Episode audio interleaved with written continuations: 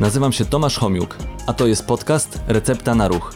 Podcast, w którym wraz z moimi gośćmi udowadniamy, że ruch jest lekiem i namawiamy do zażywania go w różnej postaci. Cześć, witam Was w kolejnym odcinku podcastu Recepta na Ruch. Dzisiaj moim gościem jest Michał Guzek, fizjoterapeuta. Dzień dobry. Trochę już, trochę już się znamy z Michałem, bo razem startowaliśmy z takim ciekawym miejscem na mapie Warszawy pod kątem fizjoterapii. Czyli zakładaliśmy wspólnie Arenamet, ja tam dosyć krótko działałem. Tak, ArenaMed już nie istnieje, jakiś blisko rok. Teraz e, zespół przenieśliśmy do Rehadentu, zmieniliśmy profil też z leczenia dysfunkcji narządu ruchu do wyspecjalizowaliśmy się do odcinka szyjnego i do dysfunkcji stawu skroniowo-żuchwowego, zaburzeń mowy i połykania. Czyli dlatego re, Rehadent, tak już ma się Tak. konkretnie kojarzyć. Tak, ma się kojarzyć z takim wsparciem dla stomatologii, bo to jest nasz główny klient, czyli lekarz stomatolog, który wysyła pacjenta, któremu chce odbudować zgryz, a ten pacjent ma jakieś problemy z szyją, skarży się na jakieś bóle w okolicy twarzy, stawu skroniowo-żuchwowego, bądź ma problemy z połykaniem. No tak, problem, mówisz e, szyja, kojarzymy powszechnie, że ból szyi, tak? Ale tak jak powiedziałeś, no to jeszcze problemy z połykaniem i inne dysfunkcje, które się mogą z tym wiązać. Jak w ogóle jest wśród, nie wiem, społeczeństwa? Jak duży to jest problem? Wiesz co, według danych GUS na tamten rok, to każdy pracownik biurowy miał co najmniej, e, połowa, przepraszam, połowa pracowników biurowych miała co najmniej e, jeden dzień urlopu, czyli połowa Zwolnienia, zwolnienia z powodu bólu odcinka szyjnego, czy z jakiejś dysfunkcji, wiesz, to jest zawsze statystyka, Am, ale no, chyba nie ma pracownika, tu już takich danych nie ma, ale chyba nie ma człowieka, który pracuje w utrwalonej pozycji siedzącej, który by się nie skarżył e, na bóle odcinka szyjnego em, od czasu do czasu. Taki problem jako problem medyczny to jest problem dla 16% populacji s- w ogóle. To bardzo dużo. Ale to bardziej przeciążeniowe sprawy niż e, urazowe. Rozumiem, urazy no to się rzad, rzad, rzadko Wiesz zdarzają. Co, tutaj jest znowu problem, z jak to zaklasyfikować, bo um, nikt nie liczy, ile procent tych ludzi, którzy mają rozwinięty problem z odcinkiem szyjnym, e, ile procent tych ludzi, u ilu procent z tych ludzi ten problem rozpoczął się po jakimś urazie. Wiesz, ja się codziennie spotykam z tym, dajemy zresztą ankietę, taki Next Disability Index, to jest taka ankieta wyskalowana, która nam pozwala zwalidować problem z odcinkiem szyjnym. Um, to jest ankieta, którą pacjenci wypełniają przed wizytą i większość z nich mówi, ale czy to jest na pewno dla mnie, bo ja nie przyszedłem z bólem, ja nie miałem urazu, Mhm. bo tam jest napisane po urazie odcinka szyjnego w tej ankiecie. Później dopiero zadajemy tym pacjentom pytania, czy jednak nie było jakiegoś wypadku i okazuje się, że był wypadek. Ale dawno Ale, temu. ale dawno temu, tak. Albo, albo słyszę, że ale słuchaj, to było 10 lat temu. Ja byłem wtedy u lekarza, zrobiono mi tomograf i powiedziano, że nic mi nie jest. No i to jest problem, tak, że problemy z odcinkiem szyjnym, jeśli chodzi już o sam uraz, no to rozwijają się wiele dni od urazu. Mhm. E, Pierwsze objawy średnio pojawiają się 14 godzin od urazu. Także jak pacjent jedzie na ostry dyżur, no to jeśli nie ma złamania e, jakiegoś poważnego uszkodzenia struktur e, prawda, kręgosłupa szyjnego, kostnych, więzadłowych, no to tak naprawdę w większości jest to uraz tkanek miękkich, 90 parę procent to jest uraz tkanek miękkich, więc oni są wypuszczani z informacją, że nic im nie jest, jest ok. Czasami dostają kołnierz, ale to, to też wiemy z dużych badań, metaanaliz, że ten kołnierz e, no niestety powyżej 4 dni bardziej szkodzi niż pomaga. No tak, za, zakazywanie ruchu jest złe. Tak. Przez dłuższy czas szczególnie. No, na, po urazie owszem, są przypadki, że, że trzeba na moment, ale no, na dłuższy czas niestety nie działa to dobrze. Zdecydowanie tak. Tutaj powinniśmy, tutaj nasza rola fizjoterapeutów, żebyśmy edukowali naszych przyjaciół lekarzy, żebyśmy edukowali naszych pacjentów, że e, jest coś takiego jak diagnostyka funkcjonalna i po każdym urazie odcinka szyjnego pacjent powinien poza, e, poza jakąś podstawową radiologiczną konsult, no, jakimś podstawowym obrazowaniem, e, mieć konsultację z fizjoterapeutą. I uważam nawet, że to jest ważniejsze niż samo obrazowanie kości, tak, tak jak dostępny jest tomograf czy, czy rentgen, e, dlatego że uważam, że większość fizjoterapeutów e, umie zbadać podstawy badania neurologicznego znamy. I jeśli mamy jakieś niepokojące objawy, no to prze- przekażemy prawda, pacjenta do neurologa, do, do, do, do ortopedy czy do neurochirurga. Statystycznie problem, e, który wymaga operacji po urazie odcinka szyjnego, to jest dwie dziesiąte w ogóle urazów, więc em, zaczynanie diagnostyki od tomografii, no tutaj jest dyskusyjne.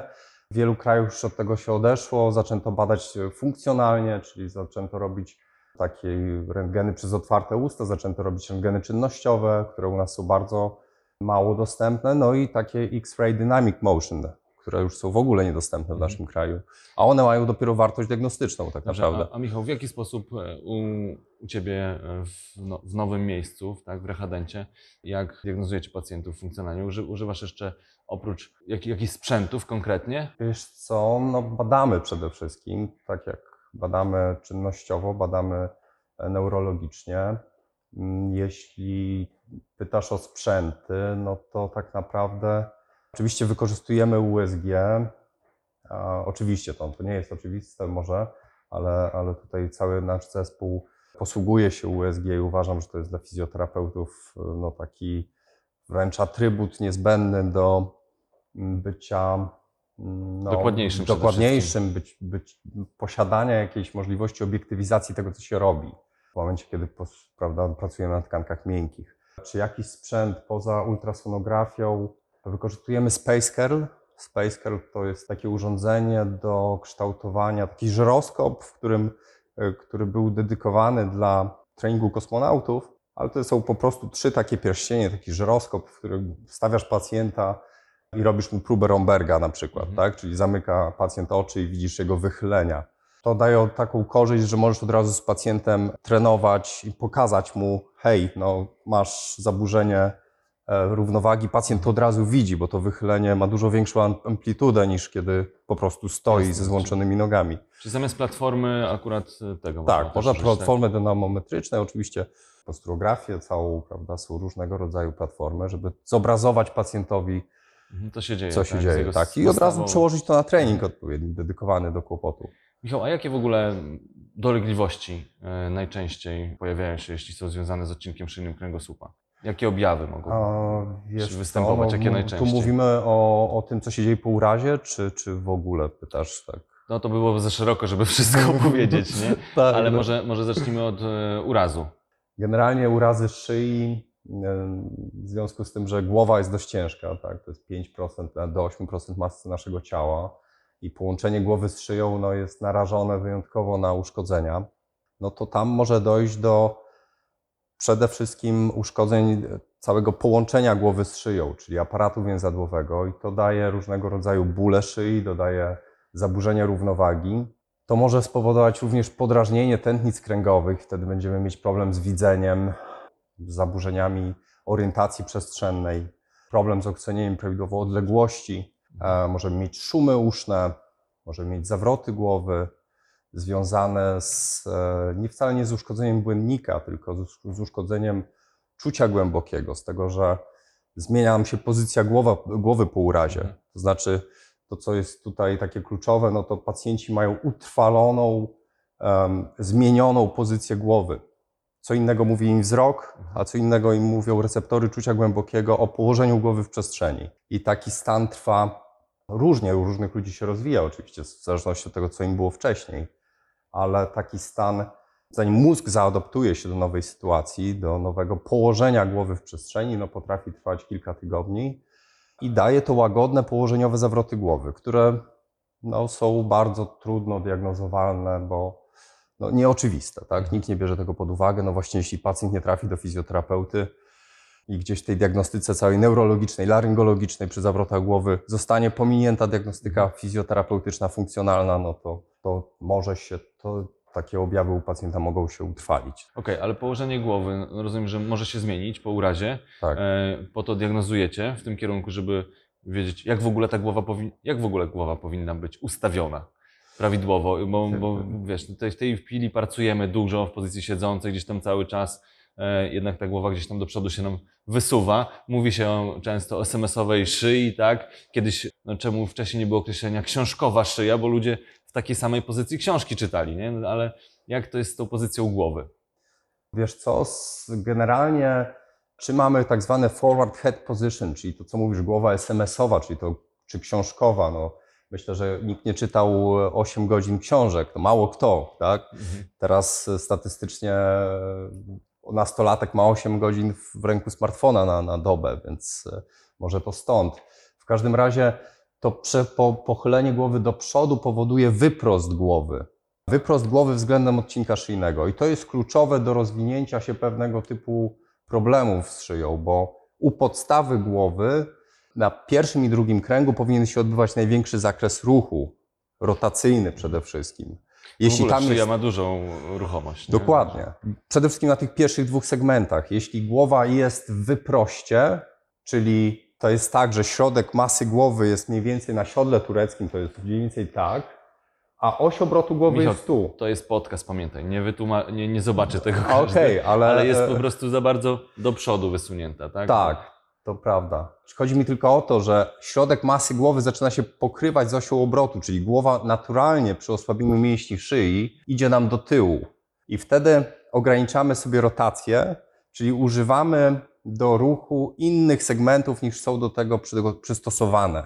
No i to powoduje przyspieszenie zmian zwyrodnieniowych, tak, różne przeciążenia, które wywołują ból, problemy różne później neurologiczne, które się z tego rozwijają czyli drętwienia rąk, y, zaburzenia, nawet y, zaburzenia prawda, czucia głębokiego. To zależy, jak daleko się to rozwinie. Dobrze, a co zrobić, jak no, mamy tą głowę wysuniętą? Inaczej, inne jest położenie tej głowy, jest wyprostowana, ograniczona jest ta rotacja. Jak w takiej sytuacji, jak, co możemy, jak możemy zaradzić temu? Myślę, że dużo możemy zrobić sami przez, no, to byśmy podzielili na dwie rzeczy. Tak? Pierwsza, kiedy są dwie grupy pacjentów, dwie grupy osób, czyli pacjentów, tych, których, y, których już dotyczy jakiś, którzy mają już jakiś ból. I druga grupa, która po prostu widzi u siebie, że ma głowę z przodu, taką żółwią szyję, Brzydką prawda? sylwetkę. brzydką sylwetkę i chce coś z tym zrobić. No to ta pierwsza grupa, która już ma jakieś objawy, no powinna się na pewno zgłosić do fizjoterapeuty.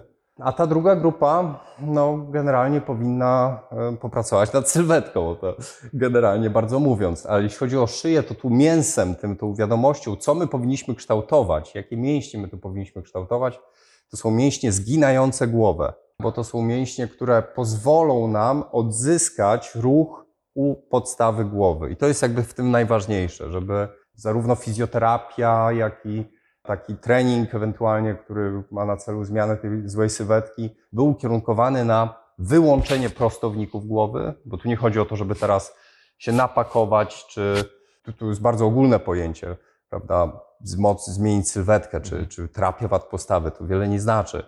Tu chodzi o to, żeby cały wysiłek pacjenta, klienta ewentualnie, jeśli go jest bez bólu, kierunkowany na wzmocnienie zginaczy szyi. To są mięśnie, które robią nam ruch nawinięcia głowy na oś kanału słuchowego, czyli tak jakbyśmy zwijali na rolkę głowę, biorąc pod uwagę, że nie możemy napiąć, nie możemy używać, aktywować w tym e, mięśni prostujących głowę, bo to one są tym psujakiem tej pozycji głowy. No to pewnie takim cię- ciężko to zrobić samemu, dlatego może jednak warto z No, fizjoterapeuty albo kogoś, tak, kto, no. kto to będzie kontro- w stanie Myślę, że taka jedna wizyta, jeśli nie ma objawów, powinna wystarczyć, żeby zrozumieć Jakiś taki E, nawyk sobie tak, wyrobić, albo dokładnie. prawidłowe wykonanie po prostu tego ćwiczenia. Dokładnie. Jeśli ktoś jest aktywny, czy chodzi na siłownię, czy uprawia jakąkolwiek aktywność, to będzie mu bardzo łatwo zrozumieć, co powinien zmienić w swoim treningu, żeby to było dla, nie- dla jego szyi po prostu lepsze. E, Dobrze, jeszcze y, odnośnie samego urazu, no bo tutaj ten temat chciałbym trochę bardziej zgłębić, bo jesteś specjalistą od urazów szyi. Gdzieś w tej fizjoterapii w tym się wyspecjalizowałeś i wiem, że no, tak bardzo głęboko poszedłeś ten temat i stworzyłeś specjalny, chyba tak mi się wydaje, protokół z tego, co, co słyszałem i też jakiś macie patent wspólny z, z specjalistami, gdzie można właśnie szybciej i pewnie lepiej e, funkcjonować po takim urazie szyi, jeśli się to pr- pracuje w odpowiedni sposób. Tak, wiesz co, to ja zawsze nie wiem, e, tyle tego wokół jest, że nie wiem o, o, o czym mówić. Faktycznie wypracowaliśmy protokół postępowania.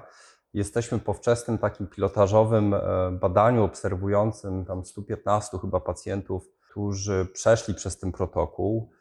Grupa była bardzo niejednorodna, opublikowaliśmy to. Ale zaraz, to jest dla pacjentów To było po dla pacjentów po, urazie ura- po urazie szyi. szyi, tak. Whiplash czy, czy, czy jeszcze... Whiplash. Tak. Tak, czyli to byli pacjenci po urazie odcinka szyjnego i tam protokół polega na przede wszystkim umiejętności powrotu do punktu zero. Tak to nazwy, zresztą nazwaliśmy jako metodę umiejętność head point zero po prostu, czyli gdzie jest, twoja, gdzie jest twoje zero głowy. Tak? I główna rehabilitacja takiego pacjenta polega na uświadomieniu mu, że jego pozycja zero głowy jest gdzie indziej niż mu się wydaje. I cały jego trening, praca domowa, polega na tym, żeby umiał skorygować swoją pozycję głowy do właściwej, nie widząc się w lustrze. Czyli żeby mógł, żeby pamiętał, co ma zrobić, Mhm. żeby wrócić do tej Czyli pozycji taki zero. automatyzm pewien Tak, wyrobić. Tak, to, to, to na tym polega. To jest skuteczne w takiej naszej wczesnej obserwacji. Teraz jesteśmy tuż, maj 2022, jesteśmy tuż przed, przed nowym badaniem, już troszkę większej grupy. Zobaczymy, jak nam, nam to pójdzie. W tej chwili zbieramy na to środki. Bardzo ciężko będzie dobrać też grupę jednorodną, ale mam nadzieję, że nam to się uda. Wszystko wskazuje na to, że się to się uda. I to będzie badanie, które będzie rozszerzać ten protokół. Będziemy porównywać taką mainstreamową rehabilitację na problem z odcinkiem szyjnym po urazie. W zasadzie nie mamy żadnych kryteriów NFZ-u, co tam powinno być. No, wiemy, że najczęściej jest tam, są tam jakieś ćwiczenia czynnobierne, e, jakieś elektrostymulacje, e, tego typu e, są zalecane zabiegi. My chcemy to porównać z tym, co my robimy, e, a to będzie wykonywała w ogóle aplikacja. Aplikacja, która będzie, która jest już napisana na laptopa, każdy z nas ma laptopa, Mhm. a drugą kamerą będzie smartfon e, odstawiony pod kątem, e, no to, to na razie będziemy robili w, w, w gabinetowych, gdzie docelowo ma to być dla pacjentów do domu. I chcemy tam e, porównać skuteczność wykonywania uświadomienia pacjentowi, jaką skuteczność ma uświadomienie pacjentowi, że ma zmienioną pozycję głowy po urazie. Mhm. Jak nauczyć go aktywować te mięśnie, które zostały wyłączone w wyniku urazu. Okej, Uszkodzone. ale to po- poczekaj, bo po urazie jasne, ale no, podobna, podobna metoda można zastosować u tych osób, które mają złą sylwetkę. Dokładnie tak, tak, dokładnie To tak. tak naprawdę nie tylko dla tych pacjentów, ale też w ogóle dla ludzi, żeby poprawić sobie e, sylwetkę i, i żeby ta głowa nie była, no tak kolokwialnie mówiąc, wysunięta do przodu, e, tak ogólnie Zdecydowanie tak. Tomku, tylko e, kłopot jest taki, że żeby gdzieś opublikować wynik tego badania, żeby uznać to jako metodę, no to trzeba mieć jednorodną grupę. Nie Nie, no stworzymy jasne, jednorodnej grupy oczywiście. z pacjentów, których boli szyja, bo nikt Mhm. tego nie opublikuje. Tak, tak. Tutaj mamy jednorodne wejście do tego badania, gdzie po prostu pacjent jest 4 tygodnie od urazu. Mhm. Stąd właśnie ten Nie, whiplash. no, do badania Ale- rozumiem, tak, ale- ale, ale- wy- wykorzystanie jest szersze. Dokładnie tak.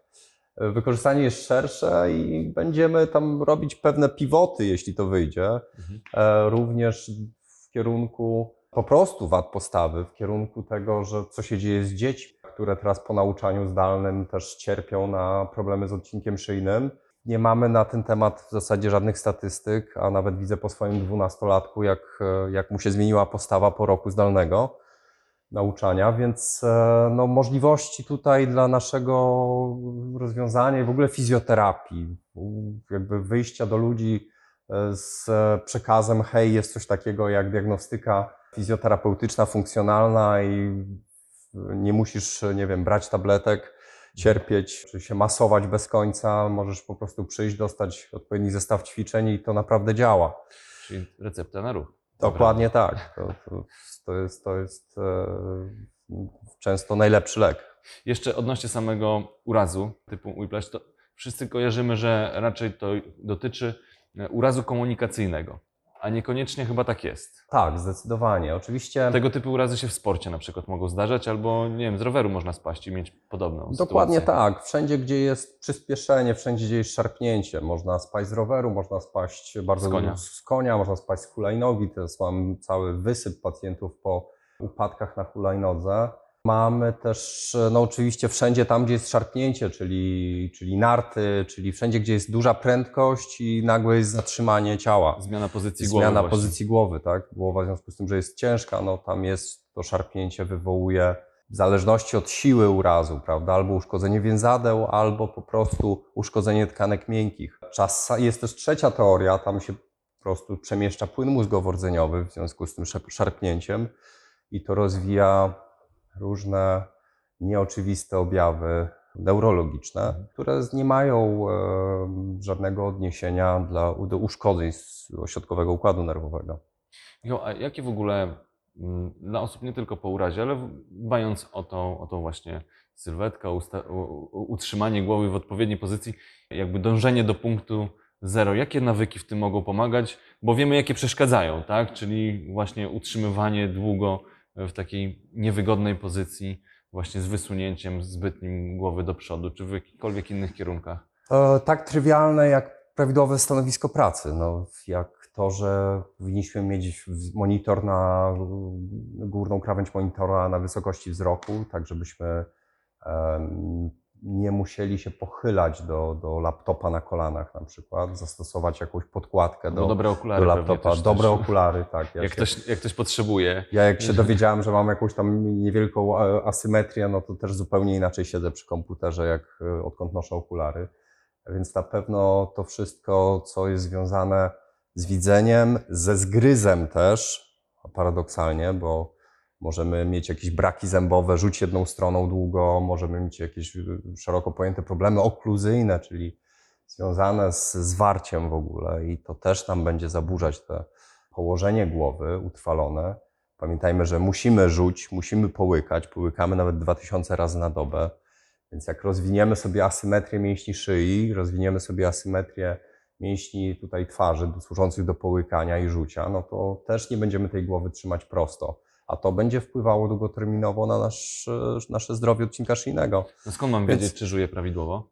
No to wiesz, to powinien ci dentysta powiedzieć generalnie, widząc, czy, czy jak odwiedzasz dentystę, czy nie masz jednostronnych ubytków, czy nie jest tak, że w kółko leczycie ubytki z jednej strony, no to może sugerować, że jednak masz nawyk rzucia jedną stroną, albo twój język gdzieś tam wypycha, prawda, e, te zęby, tłoczy nieodpowiednio i, i powoduje jakieś e, no, uszkodzenia zębiny, ale nie spowodowane próchnicą, tylko, tylko jakąś nieprawidłową, jakimś nieprawidłowym Czyli- nawykiem. Czyli praca języka też jest ważna do tego, żeby mieć z szyją w, w porządku. Tak, no wiesz, jeśli język jest w prawidłowej pozycji, to często mamy tak, takich pacjentów, którzy trafiają do nas niestety na samym końcu swojej ścieżki i słyszymy, że to już pan jest ostatnią deską ratunku. Nie lubię tego słyszeć, bo to, to jest obciążające bardzo. I świadczy też o tym, że pacjent nie z, z wyboru nie poszedł do fizjoterapeuty 10 lat temu, jak mu się rozwijały objawy.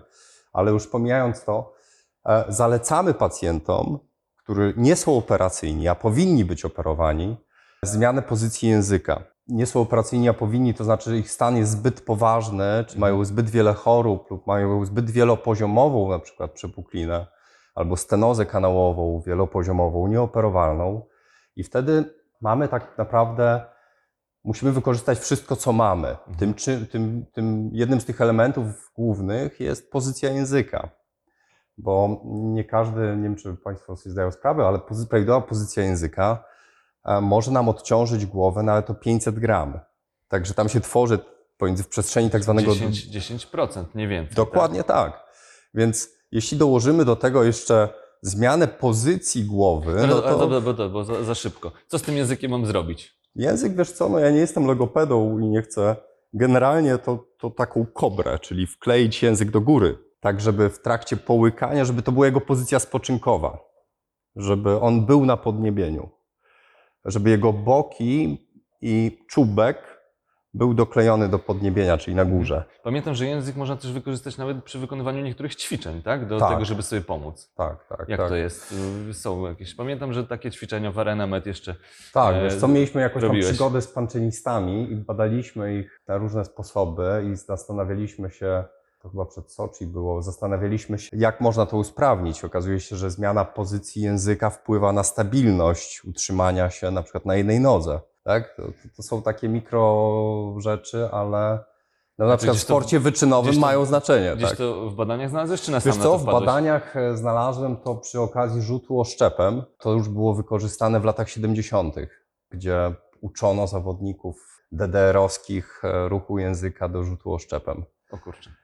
Tak, e, także to, to, to, to były jakieś takie badania. Chociaż wiesz, jak się czyta te badania z, e, to nie jest pu- PubMed i to jest jakieś takie z jakiegoś takiego kraju wesołego jak DDR czy ZSRR, to zastanawiasz się, ile w tym jest prawdy. No tak.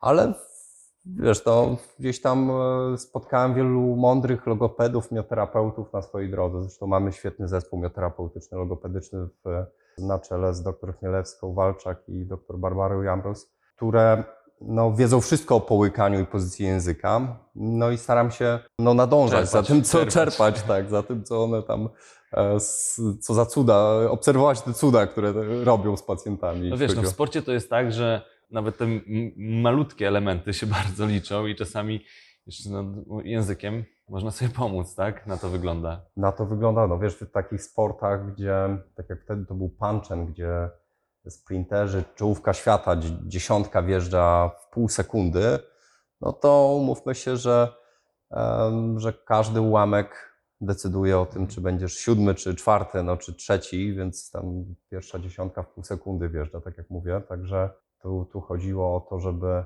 jakoś poprawić tą pozycję głowy, nie, nie ślizgać się na, na zakrętach, mniej, mniej tracić prędkość na zakrętach i to działało, no, o dziwo. Są ciekawe rzeczy, bo między, między dziedzinami tak naprawdę, za- tak uważam, że te na- najciekawsze rzeczy i to, co można odkryć w naszej dziedzinie fizjoterapii, dzieje się między dziedzinami. I to jest No tak, łączenie tego wszystkiego daje dużo, dużo nowych możliwości tak, Tak, naprawdę. Tak, i okazuje się, że nasza wiedza jest użyteczna na przykład w laryngologii, albo gdzieś w neurologii, albo w, zupełnie nieoczywistych e, stomatologii, tak? I, i, I łączenie tego, bycie na styku, łączenie tej samej wiedzy, tylko po, podawanie jej w inny sposób, jako rozwiązanie do różnych, dla, dla różnych specjalistów, różnych przypadłości ich pacjentów, często jest no, takie rozwojowe i powoduje, że nasza, nasza dziedzina zaczyna być potrzebna i rozumiana też przez ten świat lekarski. No to właśnie o to, o to nam chodzi, żeby tutaj mm, jakby fizjoterapeuci byli postrzegani na równi, szczególnie jeśli no, bazują na e, badaniach naukowych, na tym, co, co daje nauka. I, I później dzięki temu możemy tworzyć skuteczne jakieś programy, takie jak sam, e, sam stworzyłeś, dotyczące tego ustawienia głowy punktu zero. Zobaczymy, jak no już pierwsze badania wyszły, tak? E, Wiesz, to był pilocik, teraz, e, teraz robimy trzeci, czwarty kwartał, zrobimy badanie, będziemy dalej drążyć temat, także dopiero ruszamy z jakąś nauką poważniejszą. Czyli co, z- powstanie nowa dziedzina w fizjoterapii? Wiesz co, tak to myślę, że nie, ale... Ale nie, nie, może tak, może nowa dziedzina to nie, ale co chwilę coś się nowego pojawia w fizjoterapii, tak? 10 lat temu o uroginekologii nikt nie słyszał, a jakby taka wąska specjalizacja typu, no wąska to była y, kiedyś stawy skroniowo-żuchwowe, prawda, w fizjoterapii. No teraz też już jest Tak. bardzo popularne, ale jeszcze podspecjalizacja związana z, z, z, z szyją, no to mm, uraz typu whiplash, a, a jakby to też może być taka jeszcze węższa specjalizacja, nie? Pewnie. Myślę, że generalnie medycyna ma tendencję do super specjalizacji. Nie zapominajmy tylko, żeby widzieć tego pacjenta ogólnie, bo to trochę nasza taka rola w tym, żeby, żeby być, y, ja tak pojmuję fizjoterapię, żeby być trochę rozdzielaczem pomiędzy specjalistami i rozumieć człowieka jako ogół jako, jako prawda, jeden organizm i zastanowić się, co jest dla tego pacjenta optymalną ścieżką. Ale super specjalizacja jest jak najbardziej kierunkiem w medycynie chcianym, pożądanym i w tym kierunku idzie. Tak jak, nie wiem, w ortopedii są specjaliści, którzy, nie wiem, zajmują się głównie stawem skokowym, tak? Tak. no, Stawem kolanowym. Oczywiście robią też inne rzeczy, ale gdzieś tam e, to i jest ich konik na przykład, nie? Dokładnie. No jak doskonale wiesz, codziennie powstaje pewnie kilka ciekawych publikacji na temat tego, czym się zajmujemy. Jakby chciecie przeczytać połowę, no to, to byłoby trudno, a jak już wejdziemy w coś, no to wtedy możemy być na bieżąco tak Mhm. naprawdę. Tak, jak, w tej wąskiej działce. tak, wtedy jest to możliwe, no Mhm. bo nie mogę, nie będę czytać właśnie artykułów o stawie skokowym, szyi, stawie skroniowo-żuchwowym, Tak. zaburzeniach połykania, to jest niemożliwe po prostu. Nic innego bym musiał nie robić, a i tak bym tego nie dał rady przeczytać. Jak przychodzi do mnie pacjent z problemem ze stawem skroniowo-żuchwowym, to do ciebie wysyłam. Dziękuję. Ty też pewnie nie wszystkimi się zajmujesz, także o Ale to wiesz co, no tak? to tutaj znowu zależy, bo to, to, to jest cała diagnostyka. Nie mówię co o tym, że nie wiem, nie zajmujesz się uroginekologią, nie? No A i- tak, a w tym sensie, tak, tak, tak. Tak, to prawda. To, to, to zostawiam jak specjalistą w tej dziedzinie. Michał, ostatnie pytanie, standardowe, się zrobiło, standardowe dla, dla wszystkich gości, albo prawie wszystkich, jak nie zapomnę. Jaka jest twoja recepta na ruch? Wiesz co, no, moją receptą jest regularny, moją, ja w ogóle zakochałem się w sztukach walki dawno temu, uprawiam tai chi codziennie rano, qigong. Uważam, to jest kwintesencja tego, co fizjoterapia nasza mówi o ruchu. Jest tam trochę cardio, trochę rozciągania, trochę takiego delikatnego ruchu. Kojarzy nam się to z, z jakimś takim treningiem dla dziadków, ale to, to do końca tak nie jest. No, to jest jednak sztuka walki Mhm. i jest tam całkiem porządny w tym trening. Zależy oczywiście ile lat się to robi i z kim, ale no polecam gorąco tai chi. Czasami właśnie takie niepozorne, tak jak się patrzy z boku, niepozorne formy ruchu, jak się spróbuje sam, samemu, to się okazuje, że to tylko tak się wydaje, tak? Jak, nie wiem, spróbowałem chodzić e, po taśmie, czyli slackline i tak, wiesz, sobie tam wszyscy chodzą, wydaje się, że nic specjalnego, a, a jednak spociłem się po prostu cały, bardziej niż po przebiegnięciu dychy, nie? Więc e, tak, Dokładnie. tego, ry- tego typu dyscypliny, czy, czy sporty, czy, czy ruch, który no, z boku wygląda tak niepozornie, no, jak się w to wejdzie, no to się okazuje, że to jednak jest coś. Tak. Ważne, żeby coś robić regularnie, mieć z tego frajdę. No i przede wszystkim ta regularność w ruchu jest, jest tutaj kluczowa. Michał, dziękuję Ci bardzo za, Dziękuję. za rozmowę. Myślę, Ja że dużo, dużo, dużo, dużo ciekawych rzeczy można się było dowiedzieć. Szyja i dookoła. I o, nawet o języku tego nie wiedziałem, a pewnie też sporo osób, które słucha, nie wiedziało. Także e, jeszcze raz Ci dziękuję i Dziękuję. Pamiętajcie, e, podcast co środę o godzinie 12, także zapraszam do słuchania i oglądania. Cześć. Cześć, dziękuję.